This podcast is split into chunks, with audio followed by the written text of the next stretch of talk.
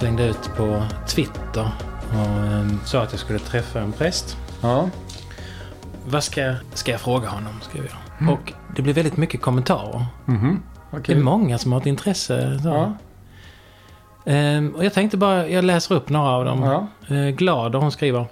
Förr ansåg kyrkan att det var synd att spela dragspel, att kvinnor skulle ha håret i knut med mera. Vilket nu ändrats och alla verkar överens om att det var tokigt. Vad tror du att framtidens kyrka kommer att vifta bort som tokigt som ansett kristet att följa idag? Ja, finns det något kvar? jag vet inte. Ehm, alltså det, det är ju så här. eh, eh, det har ju säkert en, en, en bakgrund. Knuten det är ju att eh, man egentligen inte ska ha uppsatt hår enligt Bibeln. Ja, ja. Men det har blivit i vissa traditioner så. Men dragspelet var ju att, att man då eh, kanske var lite rädd för dragspelet. Det tror jag har att göra med dansbanan och supandet. Och utnyttjandet av tjejer. Och när det då liksom blir någon slags enhet av det här så, eh, så när man blir kristen skulle man inte spela dragspel. Jag har ingen som helst förståelse för det nu. Men jag kan liksom se någon slags förklaring till det, att va- varför man skippade dragspelet. En del skippade, slog ju sönder sin fiol också när de blev kristna. Oj. Vilket jag tycker är väldigt dumt. Mm. Man kan visst spela både dragspel och fiol i kyrkan. Mm. Mm, inga problem. Alltså, men, men det här med den typen utav eh, regler som man ska följa för att vara en kristen. Det, jag vet inte, det finns inte så mycket nu va? Det var mer... För att när, eh, när jag eh, var barn så var det ju väldigt tydligt att man inte fick dricka ett glas vin till exempel. Nej. Men det har väl också luckrats upp. Oh, ja. Men det har också, det har också sina rötter. Om, om Ja, du, så det har med fylleriet att göra? ja, det har ju med fylleriet på 1800-talet. Och de minns ju när man spelade bort sina gårdar för när Ja. man söp och, och spelade kort. Va? Mm. Eh, Så att eh, det tror jag har med sådana saker att göra. Men det står ju inget, det finns ju inget stöd i Bibeln för att inte man kan, eh, för att man ska avhålla sig från vin. Nej. Det står till och med att Paulus skriver till sin vän Timoteus att han ska ta lite vin för sin mages skull. Ja, okej. Ja, Och sen gjorde väl Jesus vin av vatten också? absolut. Och det var inga små mängder. Det var, Och det sex- var fest ju. 600 liter, Ja. det var fest. Så att de blev väl liksom till och med påverkade där. Ja, om man säger så. Det kan man ju befara ja. Ja. Ja. Nej, alltså det var ju en helt naturlig sak. Och, och kommer du ut i ett annat land va, så, som inte har haft det här supandet. Eh, det, ju, det kallas ju här för eh, vodkabältet här uppe i Mm. Norden. Man brände och drack. Eh, i, I England eller i Tyskland så är det ju inga problem för några kristna att dricka vin eller öl eller så. Jag tänker att min pappa ska lyssna på detta. För han, Mhm. ah, han, liksom, han är kvar i det här eh, Mm. tron att man inte ska dansa och Nej. eh, spela dragspel och eh, med ett glas Mm. vin kan man inte heller. Mm. Så det får vi faktiskt... Och eh, jag kan inte dansa för det var ju samma typ av uppväxt. Ja, ja, det är så. Jag har inte lärt mig det. Nej, eh, min pappa kan lära dig. Han är jätteduktig på en Ja. gammeldans. Ja. Jag bokar direkt en par timmar. Nej, jag, jag klarar mig ändå. du klarar det ändå. ja. Du vet, det står, ju, det står ju ett latinskt uttryck som jag lärde mig när jag var ung. Att nemo saltat sobrus nissin for- fortin sanit. Ingen dansar nykter såvida han inte är galen. Liselott Divelli skriver Varför väljer man att tro på Bibeln när man vet att den inte är sann? Jaså? Jaha.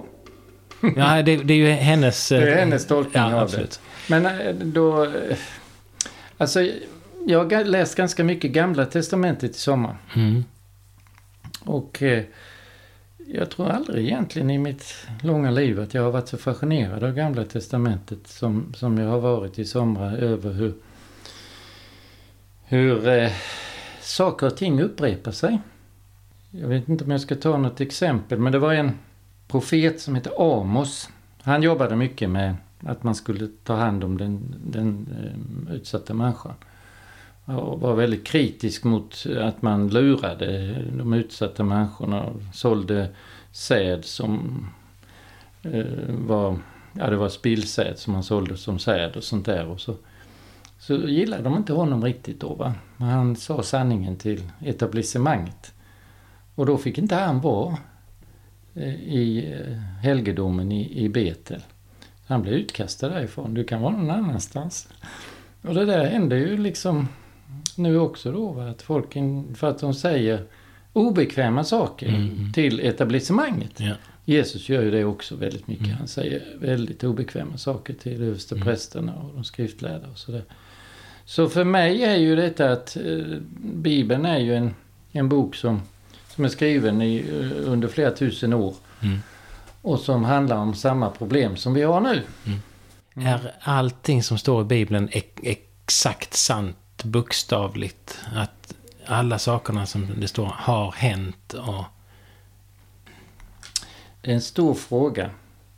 Kan du inte bli lite mer konkret? Va, är Ja, men, som- ja, oh ja, men vi tar eh, Moses, han delade på... Nej, Ja, ja, ja han, med, någon, med en stav så delade han på eh, havet och så gick Ja. man.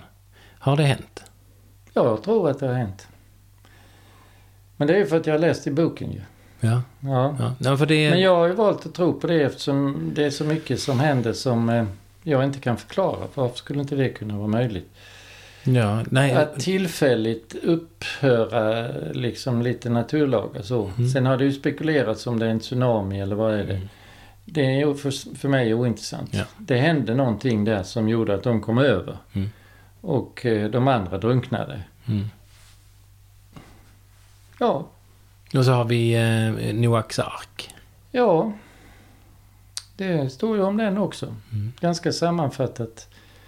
Att Gud var arg på, på skapelsen för att de eh, inte eh, var kärleksfulla mot varandra. Mm. Och då bestämde han sig för att förgöra hela alltet.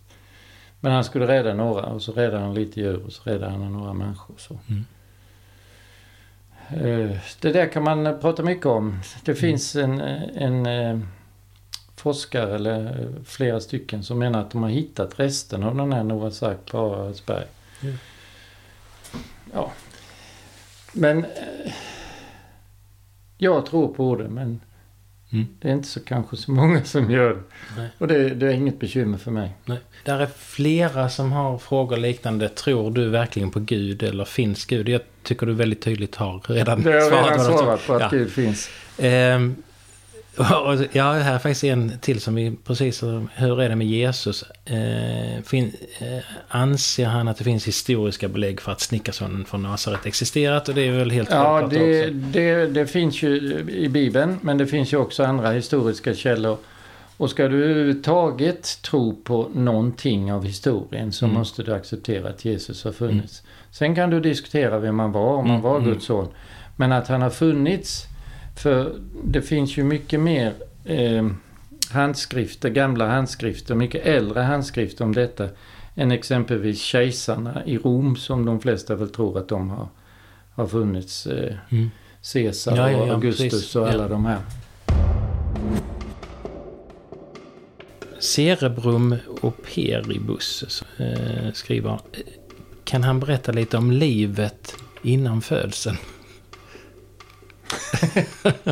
Ja men det är väl rätt fascinerande. Ja. Jag vet ju inte vad han är ute efter. Är han ute efter någon själavandring eller så så har jag inte så mycket att säga. Men, Nej. men, men ta det här med att vi föds när vi är nio månader gamla. Det är ju Ja. fascinerande att en liten manscell och en kvinnocell sam, smälter samman. Och i det så finns hela programmeringen i skulle du få upp det till böcker så är det hyllmeter med information som finns i det här och sen så att du blev den fantastiska Per som du är, det är ju, det är ju rätt märkligt egentligen. Mm. Ja, verkligen.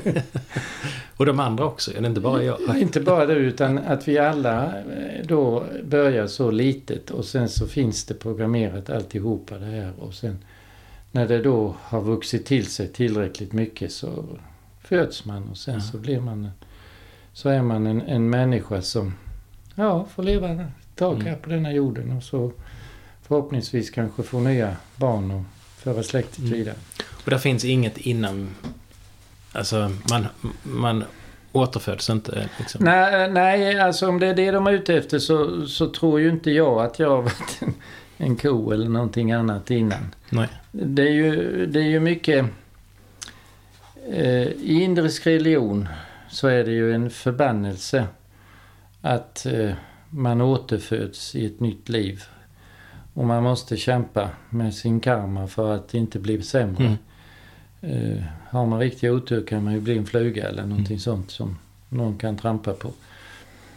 Mm, men det där har ju förändrats i den västerländska synen på reinkarnationen så att man tror att, att man blir en ny människa med bättre möjligheter och nya förutsättningar. Att man, när man dör så återuppstår man i, i, i någonting, i en ny kropp liksom. Mhm. Så. Jag har lite svårt för det för jag, jag tror ju att varje individ är unik. Det finns ingen mer Nej. Per, det finns ingen mer Anders.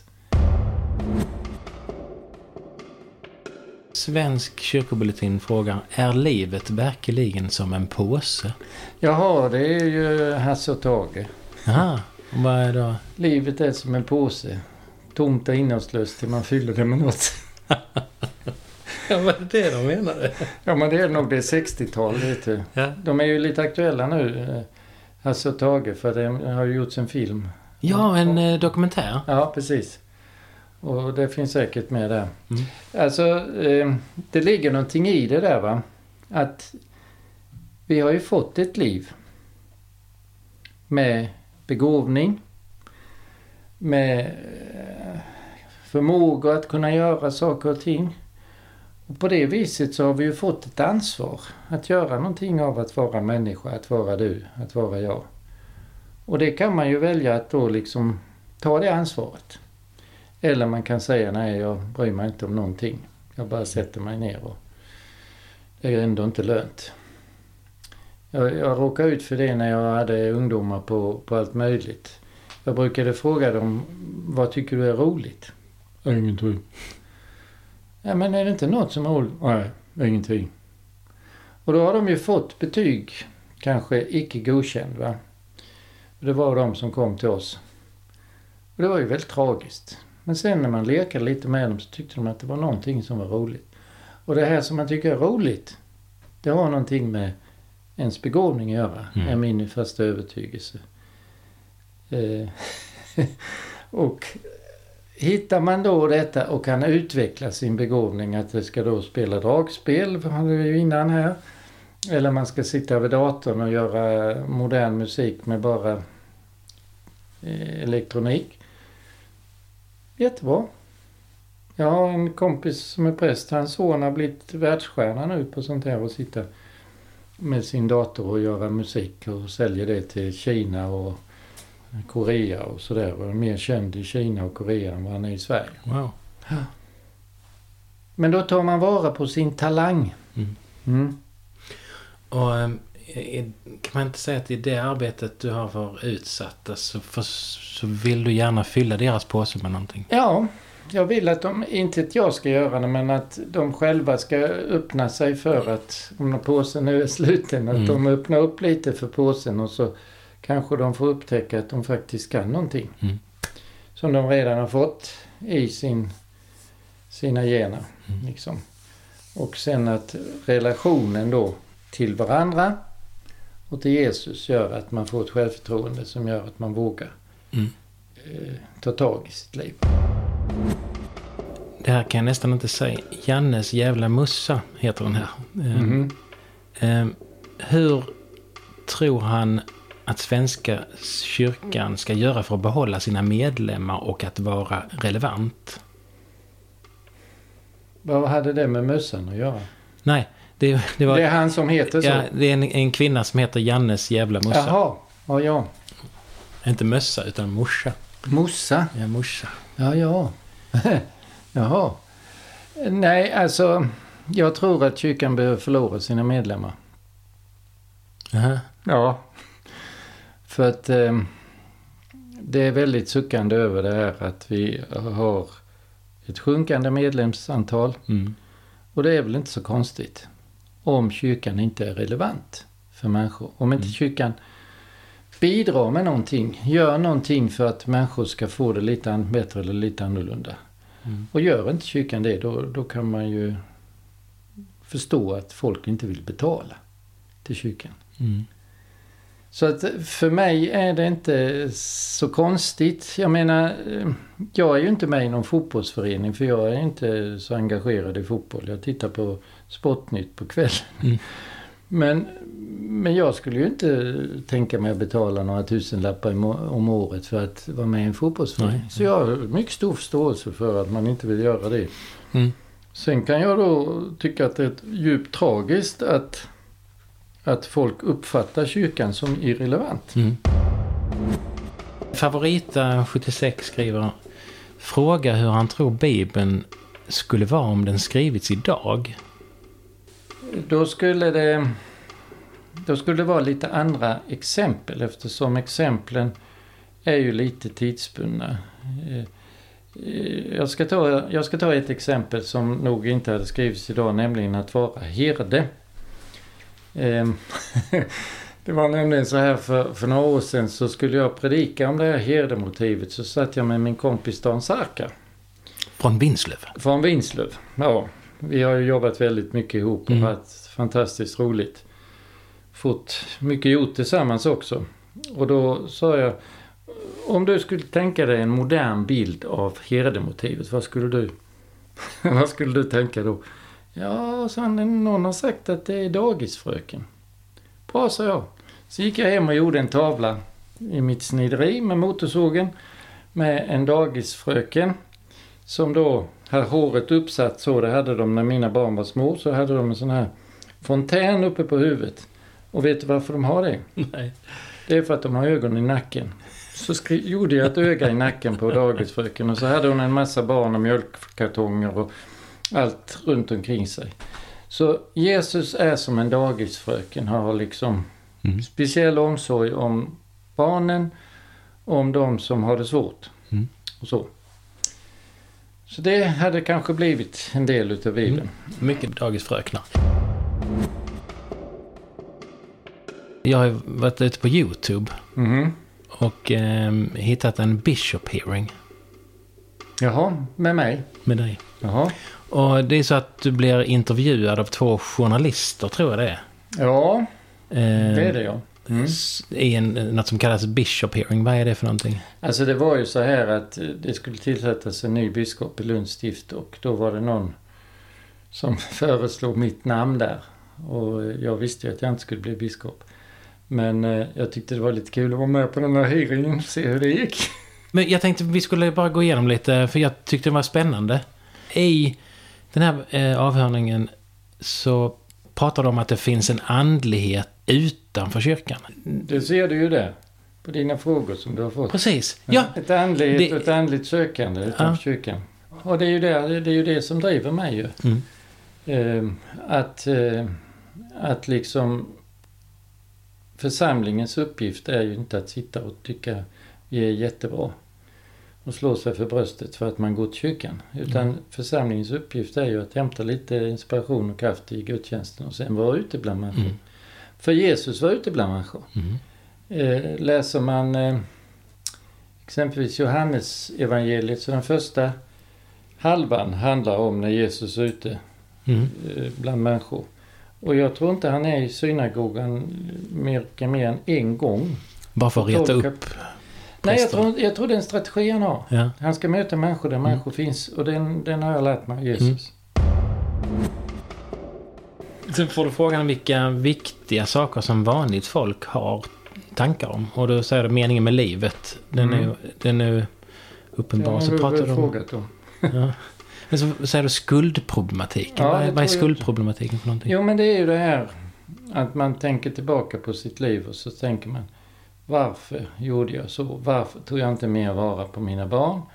Varför har jag ingen kontakt med mina barn? Varför började jag knarka när jag var 13 år? Varför eh, gjorde jag inte någonting av skolan? Och allt det där är ju skuldproblematik eller ibland är det ju nästan skam och skam är väl mer Mm. det som man, hela ens personlighet som är fel på det va. Och det där menar jag att vi som kyrka har en möjlighet att befria människor, att Jesus kan komma in i livet och förlåta det som har blivit fel så att man får bli en förlåten människa. Det, det som jag har gjort, det kan jag inte göra någonting åt, men jag får lämna det. Jag ska inte mm. bära omkring det som en tung ryggsäck med en massa sten i. Mm. Utan det lägger jag vid Jesu kors och så får han ta hand om det. Och så eh, eh, går jag vidare och försöker göra lite som han gör istället. Känner du skuld eller skam för någonting? Inte nu för, för det har, jag gjorde det när jag var ung. Då hade du... jag problematik med, med det här att man hittar på bus och sånt. Ah. men det var ju inte så farliga bus. Nej. Men, men det, då gick jag en period i mitt liv där, där jag kände väldigt skuld mm. för att jag hade ljugit för någon granne. Ja. Det var jobbigt. Mm. Men det känner jag inte nu längre. Nu är jag förlåten och fri. Ja, jag, jag har ju lite skuld och skam i mig fortfarande. Mm. Men det får vi ta när inte mickarna på. Ja, precis. Det får vi göra. Du har haft eh, mycket att göra med många av mina släktingar. Ja. ja. Eh, flera av mina kusiner har arbetat i eh, verksamheter, kyrkans verksamhet ja. i närheten av dig. Ja. Och jag skrev till min kusin Niklas och berättade att jag skulle träffa dig. Och han skrev så här tillbaks. Han är vår vigselpräst och en av de stora förebilderna. Mm -hmm. Vad tror du han menar med det? Ja, vigselpräst förstår vi Ja, det förstår du. Ja, det vet jag inte. Men det är klart att i det läget när, de, när han och Lena var unga då va, så, så var de ju mycket på läger och det är klart att ja, jag är lite äldre. Och de kanske såg upp till lite till mig då och jag kanske hade något, sagt någonting i någon undervisning som de mm. nappade på eller så. Mm. Kan jag tänka mig. Men jag måste få berätta om Niklas. Han, vi, vi hade ju en väldigt, eh, även om han är då mycket yngre än vad jag är va, så hade vi en väldigt god relation. Och mm.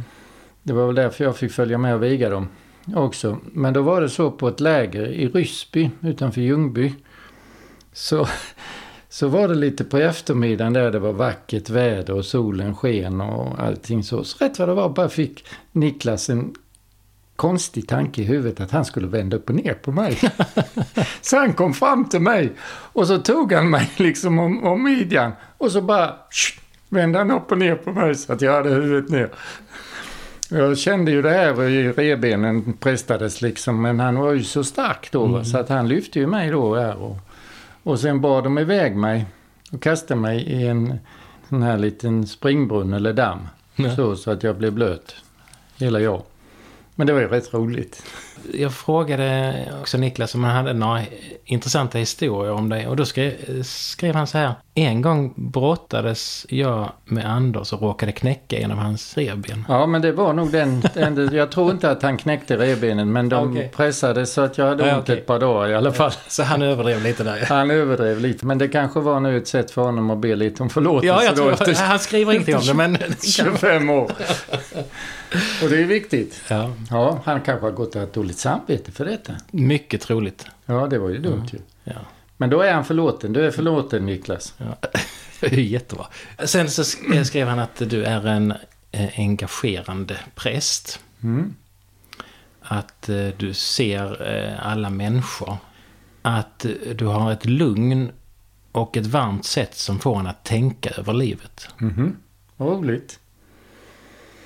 Ja, det är ju idel vackra ord ju. Ja, men det är, så, det är så kul det här vet du nu när man har hållit på länge. Ibland kanske jag undrade lite över vad betydde det att jag jobbade sex och ett halvt år med ungdomarna. Mm. För det var kanske inte att man fick jättemycket respons. Jo, ibland så kom de och uppmuntrade en och mm. så. Men, men när man eh, reflekterar lite bakåt så, så kan man ju känna det här att ja, vad gjorde jag egentligen för nytta? Va?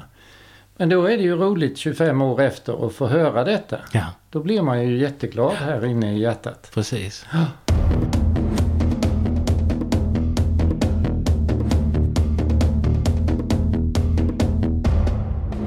Tack till alla er som lyssnar på Far Far Out, podcasten med genuina samtal från en avlägsen planet.